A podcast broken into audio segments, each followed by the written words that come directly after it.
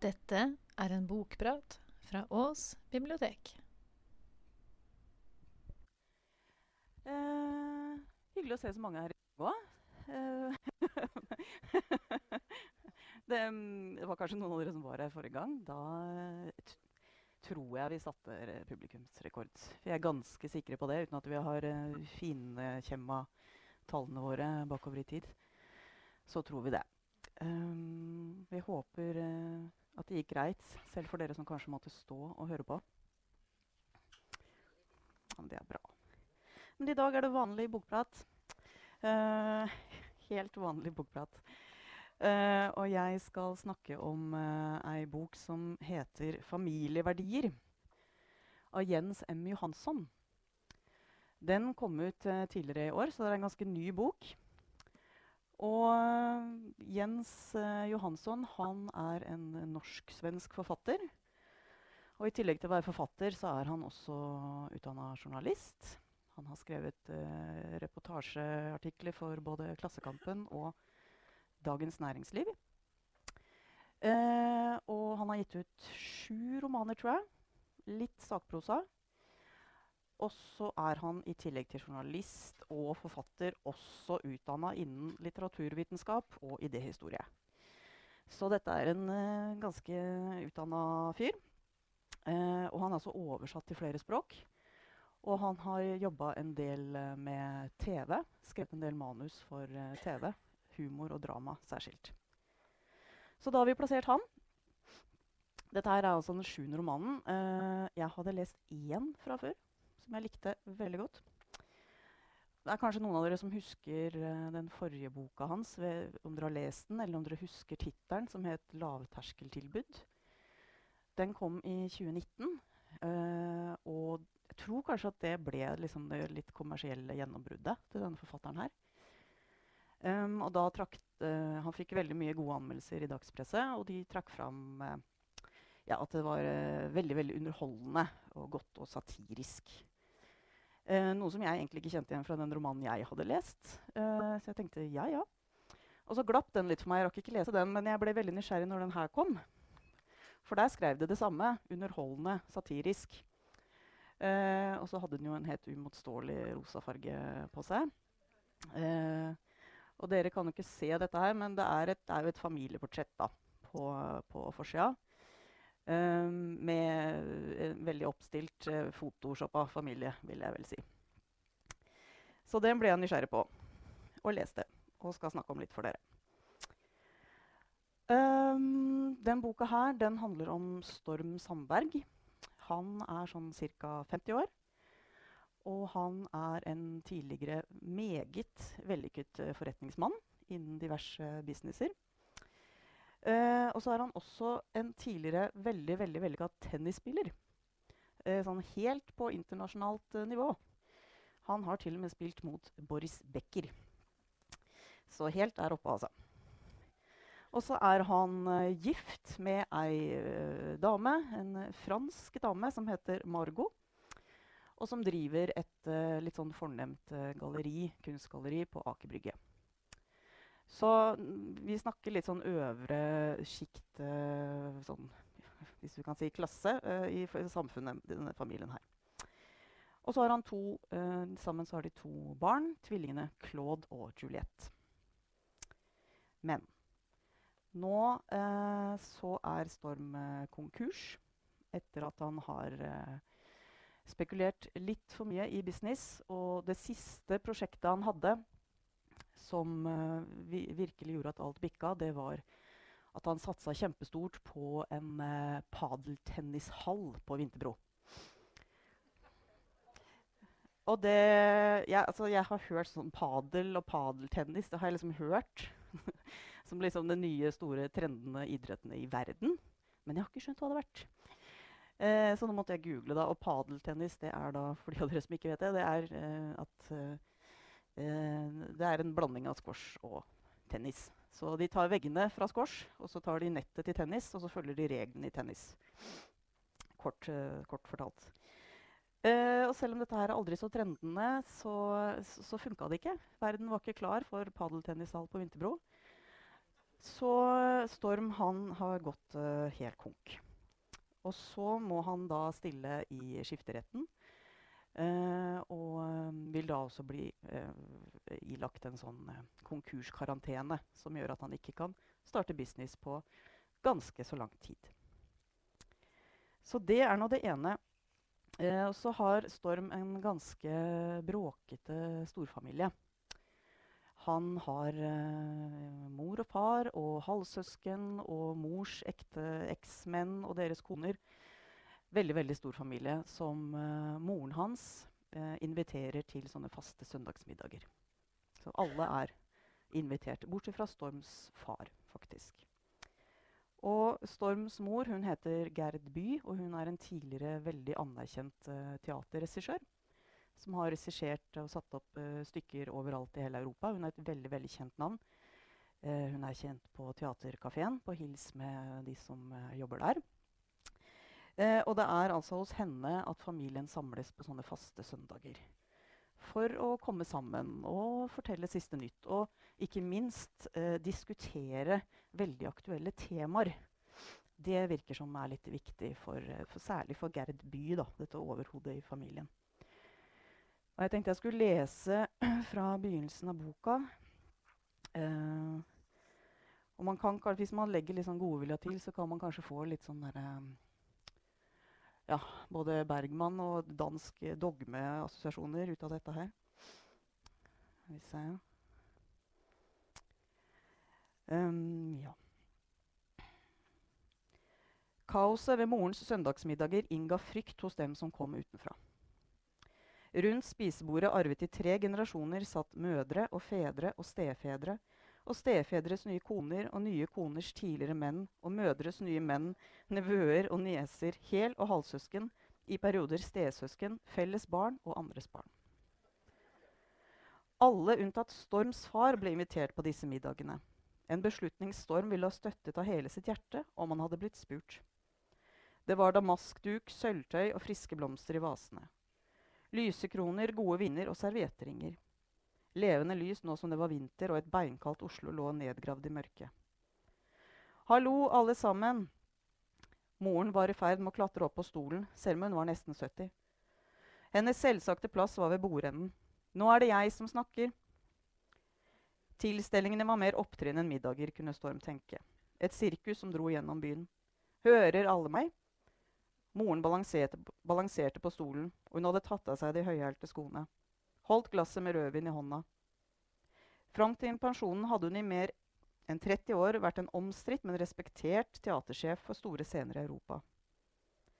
Storm kikket beklagende over bordet på Margot.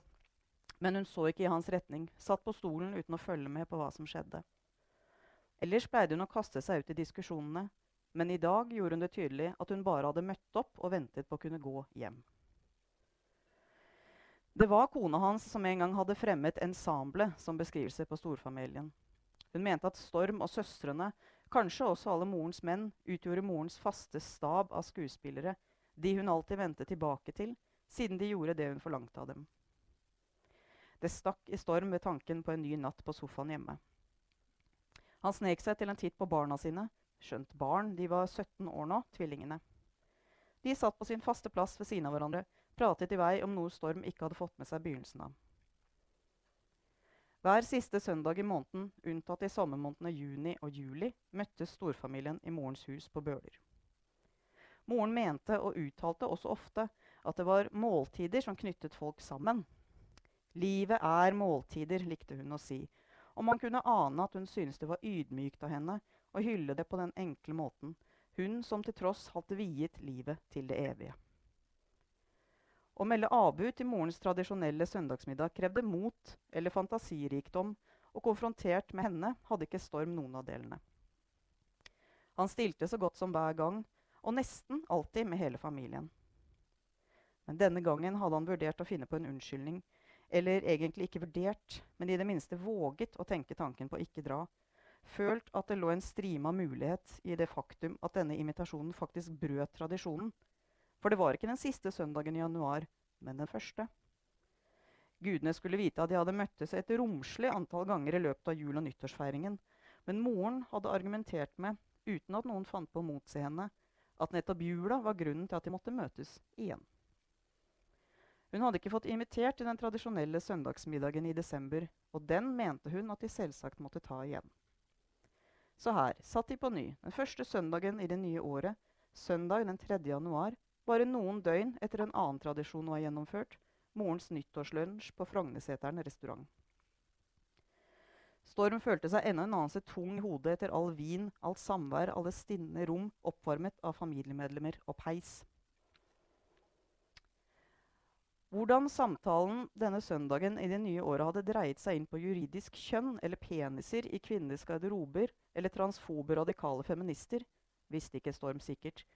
Han gruet seg først og fremst til det som ventet han når han neste morgen skulle møte i retten. Men det var slik det ble pratet om, og han hadde blitt sittende og tenke på hvordan transfobe radikale feminister kunne bli forkortet TERF, for dette fikk ikke Storm helt i hop. Men det var det datteren og sønnen hans hadde forklart ham at TERF sto for. Hører dere meg? ropte moren. Ja, det er vanskelig å unngå, ropte eksmannen hennes, HC, som altså ikke var Storms far, men søstrenes. Leif, som derimot var morens samboer, lo høyt av kommentaren, som for å bevise at han var sannelig med på notene. Si det, det du skal si, mor, stemte han i, og Storms mors samboer skålte med Storms stefar. Storm og søstrene, uansett hvem sine barn de var, var for lengst voksne. Storm, som var eldst og den eneste fra morens første ekteskap, hadde til og med rukket å bli middelaldrende, og vel så det. For det må man vel kunne si når man har rundet 50. Søstrene Han likte ikke å kalle dem halvsøstre. Ingen mennesker er halve, pleide han å si om han var i sånt humør. Men den virkelige grunnen var at ordet 'halv' i denne sammenhengen strengt tatt bare gjaldt ham selv. De andre to var helsøsken, og dessuten søstre, så ved å bruke ordet oppnådde han ikke annet enn å plassere seg i ytterkanten av sitt opphav, og det var på alle måter unødvendig. Han hadde alltid følt seg ensom nok som det var. Cecilie hadde gitt ut en roman da hun var 23, som ikke ble noen suksess, men som hun likevel mente ga henne prestasjonsangst. Nå hadde hun nettopp avsluttet en ny utdannelse, sin tredje, og blitt sexolog. Petra var gift med Tord, hun var sosiolog, ansatt i Statistisk sentralbyrå, og i løpet av det siste tiåret, om Storm skulle gjøre et anslag, hadde den yngste søsteren blitt sveipet med av den delen av tidsånden som mente at det var på tide å ta et oppgjør med innvandringen i landet. Familien forsto ikke hvor dette kom fra, men igjen, om Storm skulle forsøke seg på en forklaring, så hadde forakten for det muslimske, et uttrykk Petra brukte, eller den enda mer sosialdemokratiske cover-upen av hva som egentlig foregikk, begynt etter at Tord, mannen hennes, fikk kreft. En tanke om å ha blitt lurt av livet som sådan og av samfunnet for øvrig hadde krøpet inn i lillesøsterens hode. Tord, som jobbet i en jernvarehandel, hadde overlevd kreften og syntes å dele forakten for islam, noe Storm synes var naturlig, at de ble nødt til å forenes i oppfatninger om saker og ting etter å ha gått gjennom en alvorlig sykdom. Altså ikke nødvendigvis rasisme, men at de fikk et behov for å stå sammen i tykt og tynt, i hvert fall i en tid etterpå. I gledesrusen over friskmeldingen hadde Peter og Tord adoptert to gutter, Birger og Harald. Året etter hadde kreften kommet tilbake. Fremdeles ble Tor dratt inn og ut av sykehuset til ulike behandlinger. Måltider, ropte moren fra bordenden, vinglass i hånda. La oss skåle for måltider. For her satt de altså sammen, rundt spisebordet i morens hus på Bøler, slik de gjorde hver siste søndag i måneden, men nå på den første søndagen i året. Det vil si, moren satt jo ikke, hun sto på en stol. Jeg tror jeg vet litt om hva det vil si å være kvinne, ropte hun. Det vil jeg si at du gjør, sa Leif, samboeren, på en ganske slesk måte, synes Storm, som om det på et eller annet vis var hans fortjeneste at hun var kvinne. For sannelig kjente han moren som kvinne, ja. Storm var ikke sikker. Jeg har født tre barn, utbrøt moren, og Leif nikket støttende. Men å våkne opp en dag, kanskje føle seg litt skamfull over hvem man er, slik alle kan om morgenen, fortsatte hun. Derfra til å våkne opp og si nei, vet dere hva, i dag føler jeg meg som kvinne. Og ikke bare det. I dag må dere alle behandle meg som kvinne for å respektere meg som individ, holdt moren gående. Å føle seg som kvinne, jeg skjønner ikke engang hva det betyr. Men farmor, protesterte Storms datter Juliette, kanskje du bare må forsøke hardere? Moren overhørte fornærmelsen. Like mulig var det at hun ikke registrerte den, mer opptatt som hun var av sin egen utlegning. Neimen, utbrøt hun, og her begynte hun å spille opp en scene med familien som publikum. Lot som hun slo av en vekkerklokke på nattbordet, gned søvn ut av øynene. En ny dag, og i dag tror jeg jammen ikke at jeg er mann. Nei, i dag, nei, i dag er jeg kvinne. Hun kikket utover ned på de andre som fortsatt satt. Så enkelt er det bare ikke. Det finnes menn, og det finnes kvinner. Punktum. Petra tok til orde. Jeg, jeg har også problemer med det der. At hvem som helst bare kan Blikket hennes falt på Birger og Harald, og søsteren stoppet opp. Som sexolog begynte Cecilie, men ble avbrutt av Leif, som satt med det dårlige øret mot hennes side, og kanskje ikke hadde fått med seg at hun hadde begynt å snakke. Er det transer? Ja, hva mener du? sa Cecilie. En transe, sa Leif. Hva med det? innvendte Margot. Det heter ikke transe lenger, sa Cecilie. Transkjønnet eller transperson. Bla, bla, bla, tok moren over. Jeg orker ikke mer av de greiene der. Alle disse ordene man ikke skal bruke. Ja, la oss kalle en spade en spade, sa Leif støttende. Neger, sa Petra. Her rykket alle til, men først ble det bare stille, slik det ble hver gang Petra bestemte seg for å gi uttrykk for hva hun faktisk mente. Om enn i bare små, provokative drypp som dette. Så sa Storm. Vær så snill da, Petra. Slutt. Men disse transene, sa moren, eller transpersonene, hvorfor er de så hårsåre? Barn, dere som er yngre, kan dere ikke forklare det for meg? Denne boken som er kommet, hun, hun unge og plagsomt pene, hun anerkjente kommunisten, hun som har våget å være så dristig å ta til orde for at kjønn faktisk fremdeles eksisterer. Her var moren sarkastisk, en tone Storm kjente godt fra oppveksten. Og så blir hun kansellert og stengt ute og fordømt av Gud og hvermann. Ja, hun blir ikke det, farmor, sa Storms sønn Claude. Hun har gitt ut en bok på et av landets største forlag, sa Margot med sin tjukke franske aksent. Det hadde gått over 20 år siden hun hadde lært seg norsk på rekordtid, og hun fikk bestandig ros for hvordan hun behersket språket. Men aksenten ble hun ikke kvitt.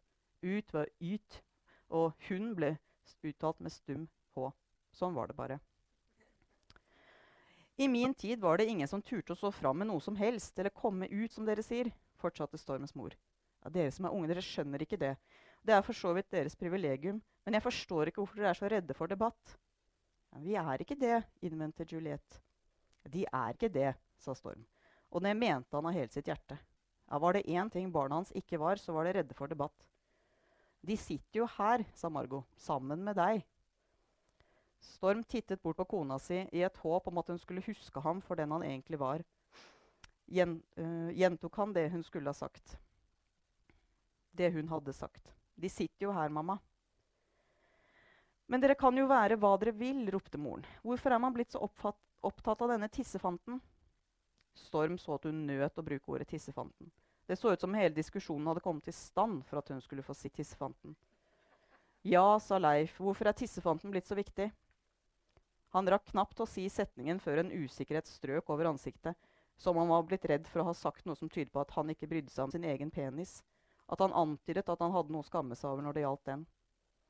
Det samme med reiser, begynte han i stedet. Å se andre kulturer i andre deler av verden. Skal ikke det lenger være mulig uten å måtte skamme seg over hva er det de sier? CO2-avtrykket? Kjønn eksisterer, ropte moren. Ja, Men det er ingen som er uenig med deg i det, mamma, sa Cecilie. Ah, fy faen, jeg er lei av kjønn, sa Petra.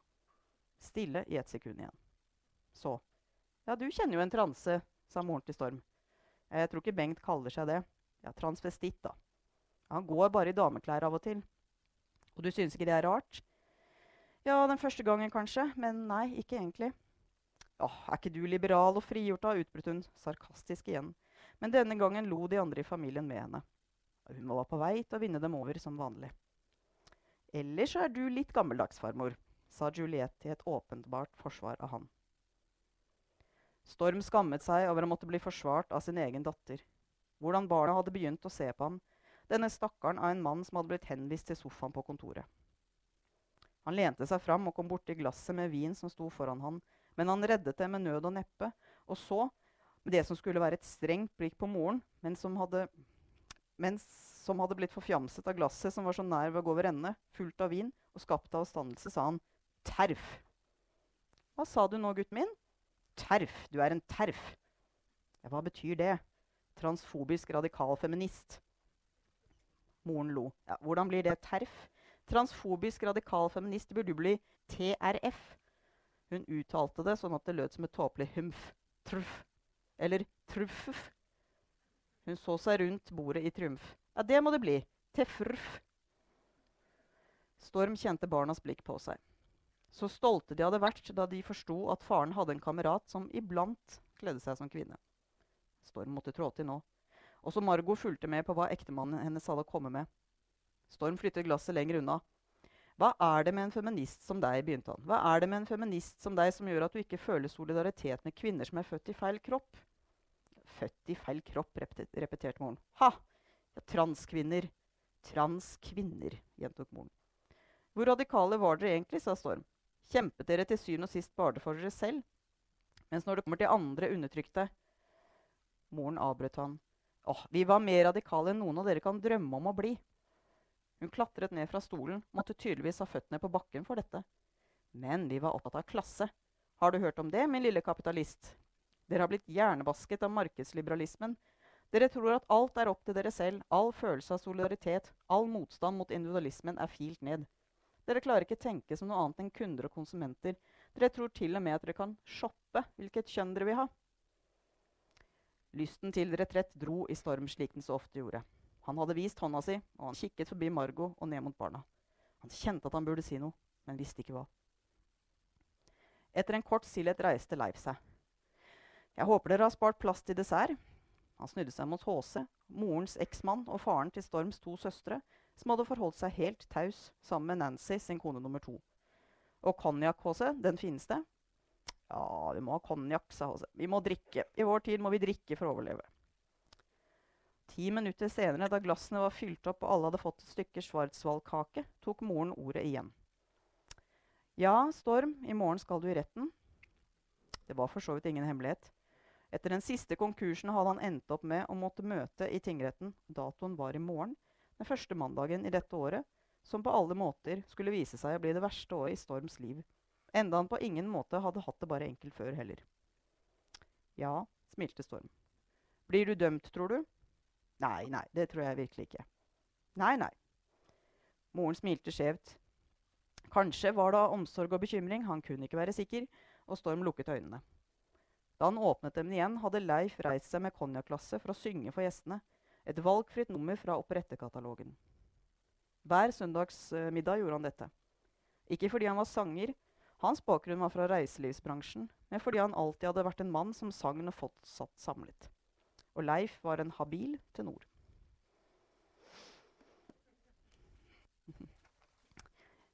Man kan jo uh, si at det er en bra ting, eller berømme denne familien for at de faktisk diskuterer, da. Men uh, Men så sitter jeg liksom igjen med en følelse og det er jo andre passasjer i denne boka her som understøtter det, at det er liksom egentlig ingen som lytter i denne familien her. Så det er ikke sikkert at en sånn påtunget søndagsmiddag egentlig er løsningen for denne storfamilien. Kanskje hadde de hatt godt av å møtes litt mer én til én. Eh, for Storm virker eh, som en ganske ensom fyr. Eh, og han sliter jo også i sitt eget hjem, i kjernefamilien. Uh, Margot hun vil ta ut uh, separasjon. Hun er uh, lei av Storms business-feiltrinn. og det hele topper seg når hun finner ut at han også i oppbyggingen av mange av disse businessene har pynta litt på sannheten. Han, er, han beveger seg i noen gråsoner, rett og slett. Det gjør han. og hun har fått nok, så Storm han flytter ut. Han flytter først til sin kompis eh, Bengt. Eh, og sammen med Bengt så er det egentlig bare sammen med Bengt at Storm klarer å vise at han er helt på bånn. Så Bengt er en god venn. De bruker stort sett den første tida på å drikke seg fulle og høre på progrock. Uh, men Bengt er støttende, og han er der for Storm. Og så uh, flytter han hjem til eh, faren sin leilighet. Faren er eh, kunstner eh, og er på en eh, klinikk, så Storm kan være i leiligheten uten at faren er der. Så Storm er blakk og ganske langt nede. Han vil for enhver pris ha tilbake det livet han hadde sammen med Margot og barna. Han elsker virkelig Margot, og han savner eh, barna sine noe helt forferdelig. Eh, og det er ganske mange fine skildringer i denne boka her rørende skildringer om forhold både til Margot og barna. Så han, han leiter da med lys og lykte når han kommet over det verste sjokket og den verste dep depresjonen. så leter han etter et nytt prosjekt som kan gjøre at han får tilbake familien sin. For det er jo det han gjør best. ikke sant? Det er å drive business, eh, tenker han. Eh, og det har han jo litt rett i også, for så vidt. Så han, eh, han finner det. Eh, og det er Det er altså det at han skal sette opp en uh, musikal på Folketeatret. Uh, Storm har ingen erfaring med musikaler uh, eller showbiz i det hele tatt. men han får det for seg at han skal gjøre det. Og musikalen han skal sette opp, det er et, at han vil lage et stykke som er basert på den greske tragedien Medea. Uh, og det er sikkert for mange av dere som begynner med det. Ja, ja gresk tragedie er et eller annet med en kvinne som dreper noen barn. Eller, eller sånn. Det er en grusom gresk tragedie hvor uh, Medea er sammen med Jason. Jason forlater Medea. Uh, og Medea dreper deres felles barn og Jasons nye kjæreste. Så det er ganske dystert. Eh, så dette skal da altså Storm sette oss som musikal, men han skal vri på det. Han skal gjøre det med glimt i øyet, som han sier. Eh, og han skal kalle musikalen for Jason. Og så skal musikalen være sett ut ifra Jasons perspektiv. Eh, og det kan også være et aldri så lite stikk til moren i dette her. Fordi en av morens aller mest eh, kritikerroste oppsetninger, det var nettopp Medea. Se på klokka at jeg brukte ganske lang Jeg hadde tenkt å lese litt til for dere. Men jeg ser at jeg har prata veldig mye. Tåler dere litt til? Ja. Da går vi for det. For jeg tenkte jeg skulle lese uh, Ja. Han, uh, han, har jo som sagt flytta ut, og han treffer jo barna sine og, og sånt. Men han kan liksom ikke ta dem med det hjem til verken Bengt eller faren, føler han. Det er ikke noe sted for dem å overnatte der eller være, så det blir sånne møter. Gå ut og spise og treffes. Uh, og nå har han så vidt kommet i gang med det her Media-prosjektet, men han har liksom ikke fortalt det til noen, da. Ja. Så ja. Møter han barna sine ute. Etter en lang stillhet spurte Juliette konverserende. Har du det bra hos Bengt, da? Storm ville ikke ljuge for barna, men svarte ja da, det er fint der. Så bra, sa Claude. En ny stillhet oppsto, og for å bryte den foreslo Storm at de skulle gå på McDonald's. Det var bare ti minutter å gå til den som lå på Majorstua. Som i gamle dager, sa han, plutselig oppglødd, som om det å gå på McDonald's var en stor begivenhet. Husker dere at vi pleide å gjøre det? Vi pleide å gå dit av og til når mamma jobba overtid. Han kunne ikke ta det med hjem til farens leilighet etter å ha sagt at han bodde hos Bengt, og McDonald's var et billig alternativ om de først skulle spise ute. Happy meal til dere begge, da, eller? tullet han i kassa. Ja, hva slags leke vil dere ha? Ved bordet med et par halvt moste pommes frites på gullflisene spøkte han. Dette er ordentlig skilsmissepappa, det. Juliet så på ham. Vi savner deg. Meg? Storm forsøkte å tulle for ikke vise hvor rørt han ble, men så tok han seg sammen. Jeg savner dere også. Jeg kan til og med savne at du gavler med til radioen på kjøkkenet, sa Claude. Det derre bandet Brød og sirkus. Guns N' Roses, sa Storm. Ja, det. Storm begynte å synge. Take me down to the paradise city where the grass is green and the girls are pretty. Pappa.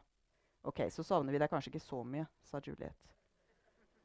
Det ble stille et øyeblikk. Ja, innledet Storm. Det var jo ikke sånn som det her jeg hadde sett for meg at ting skulle bli. Ja, vi savner tullefransken din, sa Claude. Ja, sa Storm, men stoppet da han så at begge barna var lei seg og at de plukket i maten og unngikk å se på ham. Han satte opp et bredt glis. Vet dere hva? Jeg skal produsere en musikal. Claude og Juliette kikket opp og så på ham med mistenksomme øyne. Jeg tuller ikke. Er det sant? sa Claude. Storm smilte, men foreløpig sa han ikke noe om at han skulle ordne det sånn at den unge håpefulle fikk en liten rolle i forestillingen. Det skulle han spare. Men det er hemmelig ennå, presiserte han. Dere er de første jeg forteller det til. En musikal? Ja. Kan vi si det til mamma? spurte Juliette. Storm tenkte seg om. Ja, mamma kan få vite det, sa han med et smil. Han lot det være stille en stund, tittet opprømt på ungene. De elskede barna hans. Så hvor begeistret de var. Han fikk behov for å si noe mer for at øyeblikket ikke skulle bli borte. Og så sa han, Edison skal lage musikken. Rett fram, uten fakter. Unnskyld, utbrøt Juliette. Det var akkurat den reaksjonen Storm hadde håpet på. Nå Nærmest at han ikke hadde hørt noe fra Edison. Lot bare den ufattelige gleden over nyheten fylle han og barna. Lot den bre seg utover bordet med bredt dispensercola, burgere og pommes frites. Jepp, smilte Storm. og Juliet ble helt stille. Hun la taust fra seg burgeren. Du skal sette opp en musikal, og Edison skal lage musikken. Din far i egen person. Du tuller ikke? Jeg tuller ikke. Hvordan fikk du til det? sa Claude nesten like omtumlet som søsteren. Jeg får til alt, sa Storm. Jeg sier jo det. Alt ordner seg. Fuckings Edison, sa Juliette. Så du har truffet ham? Jeg har jo sagt at jeg kjenner ham. Trodde dere at jeg løy? Han lo. Ja, Men jeg mener nå. Har du truffet ham nå? sa Juliette. Her begynte sannheten stille å sive inn over Storm. Men lykken ved bordet var for fin, og han hadde denne deilige stemmen som sa at alt kom til å ordne seg. Så hvorfor mane fram skyene på himmelen? Altså, Jeg tok jo en sjanse og hyret han da han var bare guttunge, lenge før han ble det han er nå. fortsatte han. Da han het Edvin og var blek og skjelven før han skulle på. Jeg hjalp ham da, og Edvin er ikke en sånn som glemmer hvor han kommer fra. Ja, det er jo helt utrolig, utbrøt Claude. Og Storm husker at Juliet hadde sagt at broren antagelig var en smule forelsket i Edison. Edvin er en real fyr, sa Storm. Ja, han virker veldig ålreit, sa Claude. Og Juliet sendte han et blikk for å gjøre narr. I tillegg, mener jeg. Storm klamret seg til det øyeblikket, til kjærligheten, nektet å slippe. Det var evigheter siden han hadde følt seg så bra som nå. Og så tenkte jeg, Claude, at du som driver med litt drama Storm la inn en liten pause. Kanskje du vil ha en liten rolle i musikalen? Sønnen spratt opp fra stolen. What? Ja, ting går bra nå, for å si det sånn. Selvfølgelig. Claude hoppet opp og ned. Ja, selvfølgelig vil jeg det. Det kan jeg fikse, fastslo uh, Storm med rolig stemme. Jeg har jo litt innflytelse på disse avgjørelsene, la han til med et skjevt smil. Han så på Juliette. Om du vil ha en eller annen jobb i produksjonen, så kan jeg ordne det. Hjemme i farens leilighet etterpå, da han og barna hadde gått hvert til sitt, sendte han en ny SMS til Edison. Ikke for å mase, du er sikkert opptatt, men fikk du tekstmeldingen min? Så registrerte Storm seg som arbeidssøker på Nav.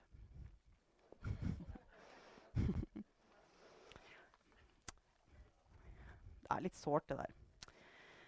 Men jeg avslører ikke for mye hvis jeg sier at han begynner å få ting til å skje. Faktisk, det er ikke bare sånn luftslott, selv om det kommer jo til på litt sånne merkelige måter. Han er jo veldig dyktig til å prate for seg. Eh, så det blir en del møter på Theatercaféen med veldig kjente skuespillere og kjente musikere og allting. Og styrtrike investorer. Eh, og deretter, ja. Og, og høye regninger, da, på Theatercaféen. Um, ja. Det er satire hele veien i denne boka, her, men det her blir aldri en sånn rein satirisk underholdningsroman, syns jeg. For til det så er den rett og slett for alvorlig. Uh, Storm han er i et sånn merkelig 'jeg har ingenting å tape'-modus. Uh, og han bare følger på alle impulsene han får. Så han satser veldig veldig høyt, som dere hører, og konsekvenstenkning det er ikke et alternativ i det hele tatt. Og det duker jo for en hel rekke ting. Um, jeg tenkte når jeg leste denne boka her, For det første så ble jeg veldig liksom revet med. og Jeg ble ganske sånn engasjert, og jeg fikk en sånn godhet for denne, denne mannen. Um, og så er det veldig mange ting, det er veldig mange temaer som man kunne snakket om i denne boka. Og det er veldig mange karakterer som er interessante. Så når jeg leste den, så tenkte jeg at dette kunne blitt et veldig veldig bra sånn TV-drama. Uh, jeg spilte av en sånn film inni hodet når jeg leste det. Uh, og så har jo også forfatteren skrevet for TV og film, og det, det merker du veldig godt når du leser. Um, så det er absolutt en samtidssatire uh, og en familiekomedie.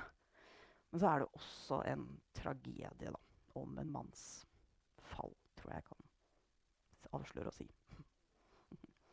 Takk for meg.